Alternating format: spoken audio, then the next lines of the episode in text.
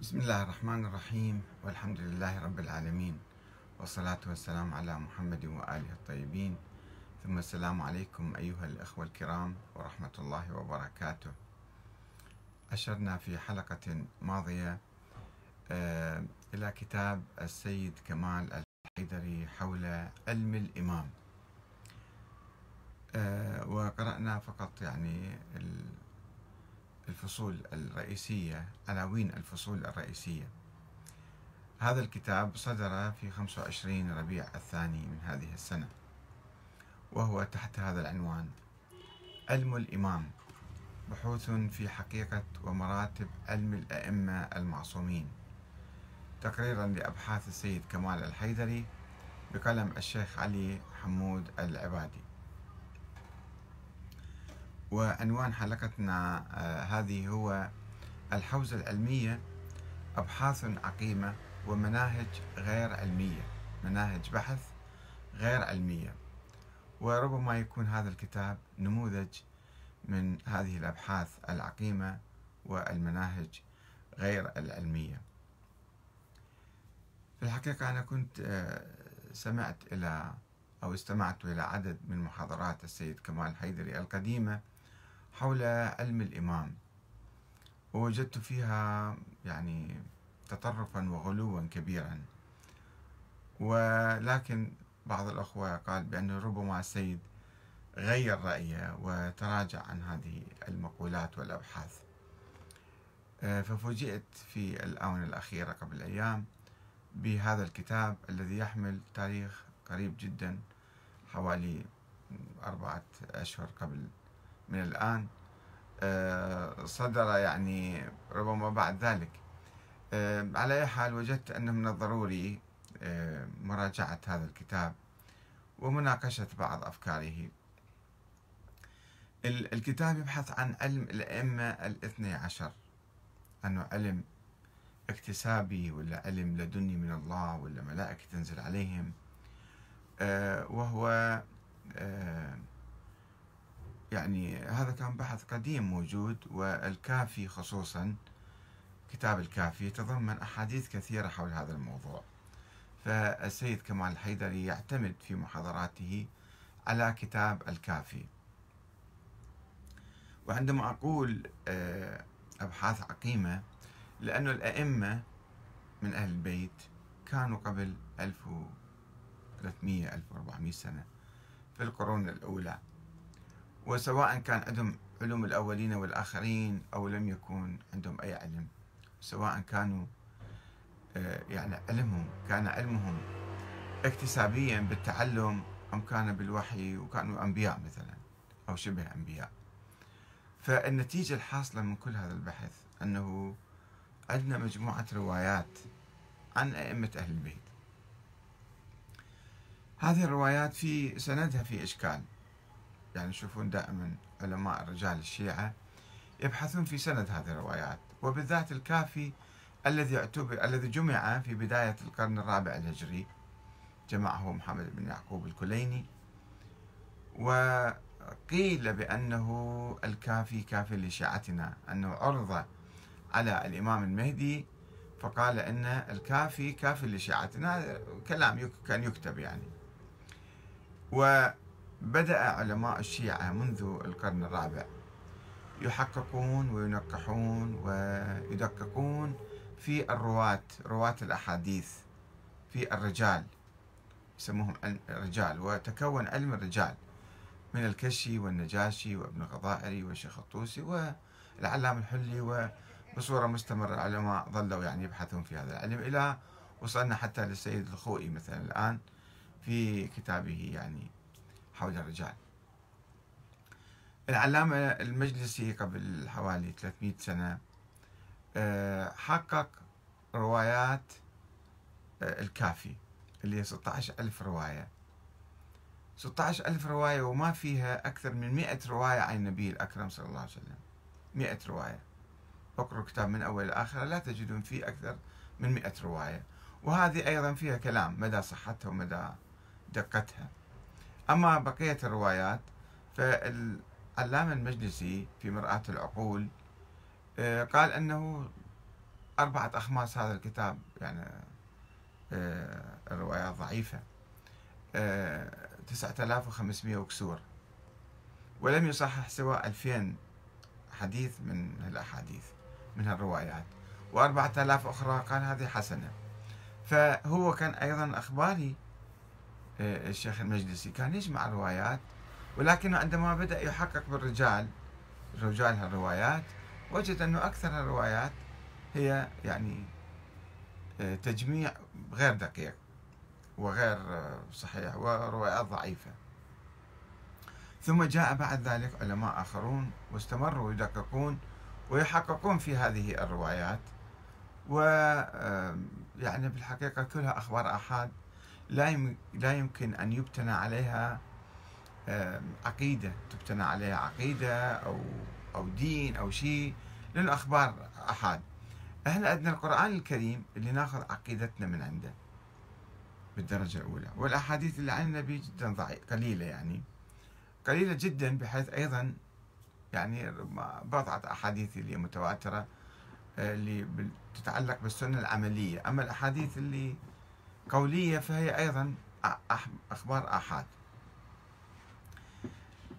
آه القرآن لا يحدثنا عن شيء اسمه أئمة من أهل البيت ولا يحدثنا عن علمهم ولا يحدثنا عن علمهم الغيبي وعلمهم الشبيه بالنبوة ونزول الملائكة عليهم. ويعني في في التاريخ السابق القرآن الكريم يتحدث عن أنبياء وعن زوجات أنبياء وعن أمهات أنبياء. وبمعاني مختلفة من الوحي. لغرض معين يعني؟ ولا يقول إن هؤلاء أنبياء يقول أوحينا إلى أم موسى مثلا. ارضعيه ثم اقذفيه في اليوم. آه فهذا الحديث يجي بعدين واحد يجمع آيات آية زائد آية ناقص آية زائد كذا ضرب آية أخرى يستنتج من عندها أنه هؤلاء الأئمة الاثني عشر هم عندهم علم الأولين والآخرين. وعلم ما كان وما هو كائن وما يكون. طيب ثم ماذا بعدين؟ وين هالعلم؟ يعني هل وصل إلينا هذا العلم حتى لو كان موجود؟ ماذا قال الأئمة إحنا نشوف بعض الأحاديث عندما نناقشها أو نشوفها مخالفة للعلم مخالفة للعقل. مثل الحديث اللي قرأناه قبل أيام أن عن الإمام الصادق رواه آه، أنه فلان ابن فلان. أنه الأرض واقفة على حوت والحوت على آه، على الماء والماء على صخرة والصخرة على قرن ثور أملس هو يعتبر هذا حديث صحيح أيضا بمواث يعني مقاييسهم. فهذا علم أهل البيت يعني هذا علم أهل البيت بصورة شنو وصلنا؟ ماذا وصلنا من علم أهل البيت؟ مسائل فقهية ممكن تكون هذه روايات من عندهم للنبي ممكن تكون اجتهادات في بعض المسائل. أكثر من ذلك العلوم اللي يتحدث يتحدثون عنها. ما هي هذه العلوم؟ وأين هي؟ فإذا هذا بحث عقيم. لا ينتج شيء الآن لا يفيدنا شيء لا يقدم ولا يؤخر. لا يقدم ولا يؤخر وإلا إلا أنه إحنا نكون في هالة مقدسة هالة معينة حول أهل البيت أنهم كان عندهم علم الأولين والآخرين كما قلت لكم بضرب آيات وتنقيص آيات زائد ناقص هذا ونطلع في نظرية معينة. هذا أولا الشيء الثاني اللي أتحدث عنه الآن في هذه الحلقة. المنهج العلمي المنهج العلمي في البحث يعني تحديد آه، المعاني عندما واحد يريد يتكلم عن شيء عن الإمام مثلا أو علم الإمام. من هو الإمام؟ في البداية يجب أن نحدد. حتى لا يلتبس عليه الأمر. وبالتالي الإمام بعدة معاني. بمعنى القدوة بمعنى الحاكم بمعنى إمام الجماعة بمعنى إمام الهدى بمعنى إمام الضلال. يعني زعيم مثلا يسموه إمام. فعندما نتحدث عن الإمام علم الإمام من هو الإمام؟ أول شيء يجب نحدد من هو الإمام بعد الرسول صلى الله عليه وسلم عليه؟ إحنا آه، المسلمون نحتاج إلى أئمة. فالأئمة من هم وما هو دورهم؟ الأئمة هم يعني حكام منفذون للشريعة مطبقون للدين اللي هو بمعنى الرئيس يعني بمعنى الحاكم بمعنى الخليفة الزعيم السلطان. هذا ما نحتاجه بعد النبي. والله قد قال لنا قال للرسول اليوم وللمسلمين اليوم أكملت لكم دينكم وأتممت عليكم نعمتي ورضيت لكم الإسلام دينا. فهل الإسلام يعني كمل وانتهى وخلص ولا نحتاج بعد إسلام جديد دين جديد إضافات جديدة؟ ومن الذي يضيف هذا الإمام يضيف هذا الشيء الدين الجديد. لذلك يحتاج إلى علم جديد. من هنا صار الكلام حول العلم أولا من هو الإمام؟ ما هي وظيفته؟ وما هو علمه ومن أين يستقي علومه. وهذا البحث اللي دار في القرن الثاني الهجري تقريبا وروايات تروى بكتب الشيعة في كتاب الكافي وغيره عن الإمام باقر. أنه جاب نظر هكذا تنسب والله أعلم. بعد 1300 سنة ما نتمكن نتأكد من أي رواية ومن أي نسبة. ينسبون إلى الإمام باقر أنه قال أنا عندي علم الأولين والآخرين. أني تنزل علي ملائكة أنا كذا أنا كذا أنا محدث مرتبة شوية أقل من الأنبياء والرسل. ولا ندري مدى صحة هذه الروايات ونشك فيها بالحقيقة فإذا المنهج العلمي أول شيء إذا تبحث موضوع في الحوزة أو في أي أي مجال يعني. تحدد موضوع البحث ودور البحث ومعنى هذا الإمام. فما تخلط بين النبي إبراهيم الذي جعله الله مثلا إمامة بعدين إمامة يعني شنو جعله إمامة؟ يعني فوق النبوة يعني شنو ما هو كان ينزل عليه وحي. غير الوحي شنو كان ينزل عليه؟ حتى صار إمام. فوق النبوة وفوق الرسالة ما هي هذه الدرجة التي ارتقى إليها؟ إلى القدوة يكون. هذاك بحث وبحث الإمام في يعني ما بعد النبي والآن. الآن نحتاج أئمة نحتاج حكام. ما هو دورهم؟ هو تطبيق القانون تطبيق الشريعة تطبيق الدين مثلا. إحقاق العدل مكافحة الظلم. هذه مهمات الأئمة. فليش إحنا نخلط بين نبي إبراهيم وبين آه، مضمون آخر؟ نريد نركب عليه أشياء أخرى.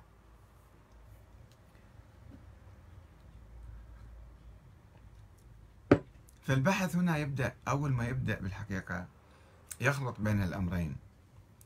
في المقدمة بسم الله الرحمن الرحيم المقدمة صفحة سبعة. يبدأ تعد الإمامة من أهم الحقائق التي وقف عندها القرآن الكريم وأولاها عناية خاصة حيث بين أنها المقام الإلهي. الإمامة مقام إلهي. الذي لم ينله إبراهيم الخليل عليه السلام إلا بعد مقام النبوة والخلة. طيب شنو صار بعدين؟ إحنا وين نتحدث؟ نتحدث عن الحكام. كل الجدل اللي دار بين المسلمين حول الإمامة وسفكت فيها الدماء في موضوع الإمامة. كان حول الحكم ما كان حول شيء آخر. وهذا الحاكم من أين يأتي علمه؟ ثم تفرعت الأمور. فما عندنا أي بحث حول مرتبة أعلى من النبوة. ما عندنا شيء هذا. شلون خلط بالأول سطر يتم الخلط بين عدة أمور؟ وبالتالي البحث كله يروح إلى طريق خاطئ إلى منحى آخر يعني. قال الإمام الرضا عليه السلام أن الإمامة خص الله عز وجل بها إبراهيم الخليل عليه السلام بعد النبوة والخلة مرتبة ثالثة وفضيلة شرفه بها وأشاد بها ذكره وقال إني جاعلك للناس إماما.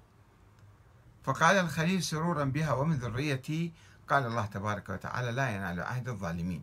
فأبطلت هذه الآية إمامة كل ظالم إلى يوم القيامة وصارت في الصفوة. شوفوا طبعا حديث هذا مزور على الإمام الرضا هذا واحد فضل بن شاذان كاتبة ونسبه الإمام الرضا وصار كأنه حديث هذا. فسنجي هسه أول ما واحد لما يستشهد بحديث يجب أن يثبت من عنده. هو قبل بعد شوية يجي يقول أنه إحنا أصلا ما نوقف عند الأحاديث كلها نعتبرها صحيحة. وهذه الإمامة كما عرفها القرآن وبينتها النصوص الروائية هي غير الإمامة السياسية التي انطلقت منها المدرسة السنية حيث قامت على أساس أن الإمام أو الخليفة هو الذي يتسنم هرم السلطة السياسية في النظام الإسلامي وهو المسؤول عن إدارة شؤون الأمة على مختلف المستويات الدينية والدنيوية. مو هذا لا فشيء أكبر من هذا. هذا أيضا كلام مو صحيح لأنه مو مو المدرسة السنية حتى المدرسة الشيعية. لو تراجع كتاب مثلا الألفين العلامة الحلي شو يتحدث عن الإمامة عن الزعامة؟ يعني الخلافة عن الرئاسة. بكلمة الرئاسة يجيبها. كتاب الألفين موجود بالحوزة بس ما أدري يقروا ولا ما يقروا.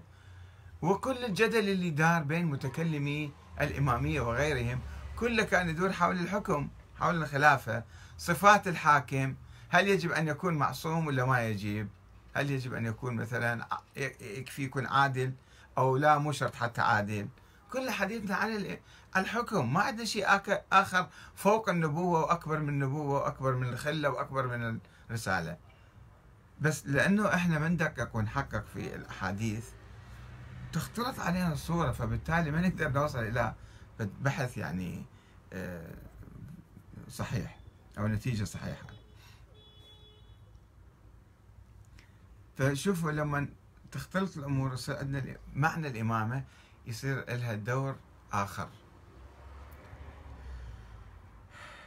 الإمامة الهداية يقول الإمام هو الهادي للناس وكذا. طيب على هذا يكون الإمام صفحة تسعة. على هذا يكون الإمام هو الرابط في نزول الفيوضات المعنوية والمقامات الباطنية. التي يهتدي إليها المؤمنون بأعمالهم الصالحة. صار نبي هذا. إذا نزلت الفيوضات المعنوية والمقامات الباطنية التي يهتدي إليها المؤمنون بأعمالهم الصالحة ويتلبسون بها رحمة من ربهم وبهذا تتميز هذه الهداية عن الهداية التشريعية التي هي من شؤون النبوة والرسالة. النبوة والرسالة الأنبياء جايين حتى يهدون الناس. يقول لا فشيء أكثر وأكبر.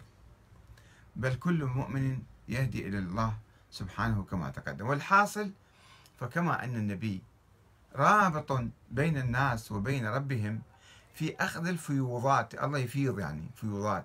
هذا كلام مال الفلاسفة يعني فيوضات فيض يصير. فيض وينزل فالنبي يأخذ هذا الفيض يجيبه للناس.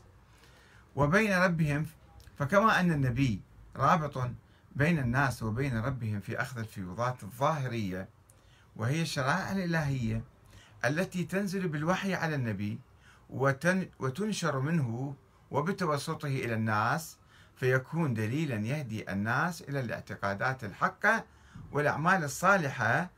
كذا الإمام الإمام صار مثل النبي الآن. كذا الإمام فإنه الرابط بين الناس وبين ربهم. في إعطاء الفيوضات الباطنية الملكوتية وأخذها فهو دليل هاد للنفوس إلى مقاماتها ودرجاتها المعنوية. ويجي بعدين قال الطباطبائي وقال فلان وقال فلتان. إحنا شو خصنا فيهم؟ إحنا الفكر الإسلامي الحقيقي. الرؤية الإسلامية لازم ناخذها من القرآن مو قال فلان وفلتان. آه بعدين يجي مراتب الإمامة القرآنية. أنه فيها مراتب مثل مراتب الأنبياء آه آه هذا مو مو مهم كثير. المهم نتوقف عند هاي النقطة. منهج البحث. هذا شيء مهم. ما قلنا. آه أبحاث عقيمة. ما فيها فائدة. شنو صار سواء كان كانوا أنبياء وكانوا فوق الأنبياء ولا عندهم علم الأولين والآخرين ولا ما عندهم؟ ثم ماذا؟ وين الآن؟ ما راح نحصل شيء من من هذا البحث. آه هذا موضوع الموضوع الثاني شوفوا منهج البحث. أول ما يبدأ يتلخص منهج البحث في النقاط التالية. واحد الاعتماد في الاستدلال على النصوص القرآنية. هنا بتأويل طبعا راح يصير. اعتماد على النصوص القرآنية بتأويل وبشبهات ناخذها. اثنين الاستناد في البرهنة والاستدلال على روايات أهل البيت يعني نستند على روايات أهل البيت. التي تبلغ حد الاستفاضة أو التواتر. وين الاستفاضة؟ وين التواتر؟ وهي كلها روايات موضوعة ومكذوبة وضعيفة وما بها سند. مما يغني عن الدخول في غمرة البحث السندي. من البداية هو هذا منهج بحث يسموه. أنت في البداية تيجي تبحث تقول لي هاي الروايات كلها أنا راح أخذها. كما هي بدون بحث بدون نقاش بدون شيء. فشلون راح تبحث بعدين؟ خمسين فكرة راح تجيك وأنت بحاجة إلى تحقيق المناط كما يقولون تحقيق المواضيع التأكد من الأفكار مقارنتها بالقرآن مقارنتها بالواقع. شلون أول شيء يقول يابا أنا ما راح أبحث. لا شو يسمى البحث مالك هذا؟ علم الإمام بحوث في علم الإمام. شلون صار بحوث يعني؟ بعدين نجيب روايات السنة ونجيب روايات ما أدري منه. والفلاسفة والمتكلمين و... شو يفيدك ذولا تجيب القرآن ابحث الفكرة من القرآن لا تسوي لك شيء من عندك يعني تطلع بعدين. وش ما أكو روايات الغلاة والمتطرفين أنت كلها قابلها وتقول هذا مو غلو بعدين. لا هذا شيء عادي بسيط صار.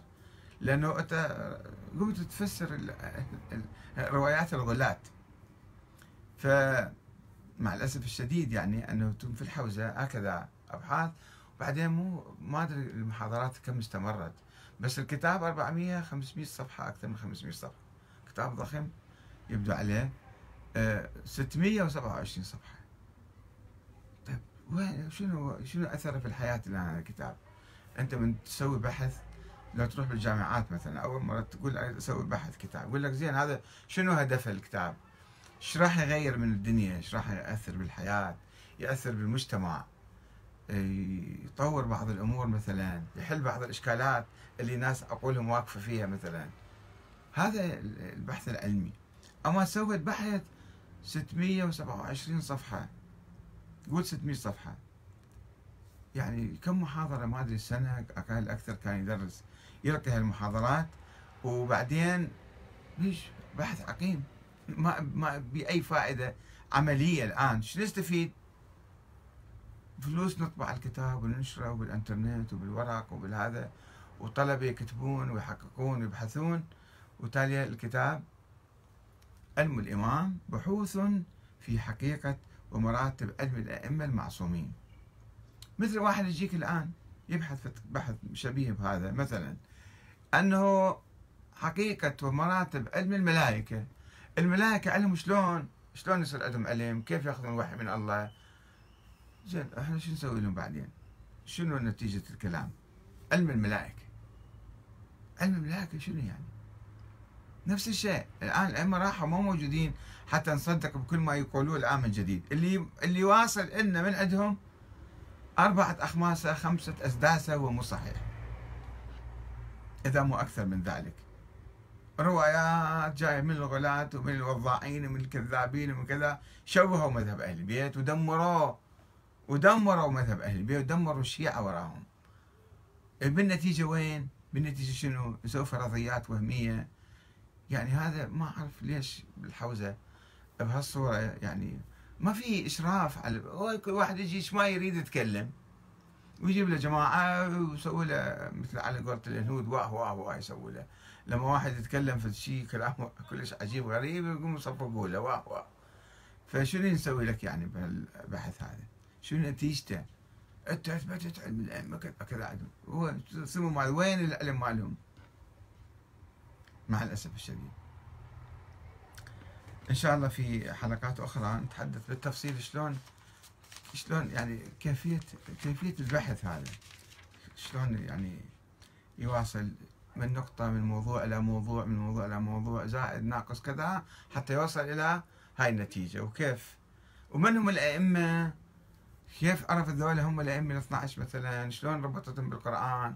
شلون طهتهم علوم الأولين والآخرين؟ وما إلى ذلك. والسلام عليكم ورحمة الله وبركاته.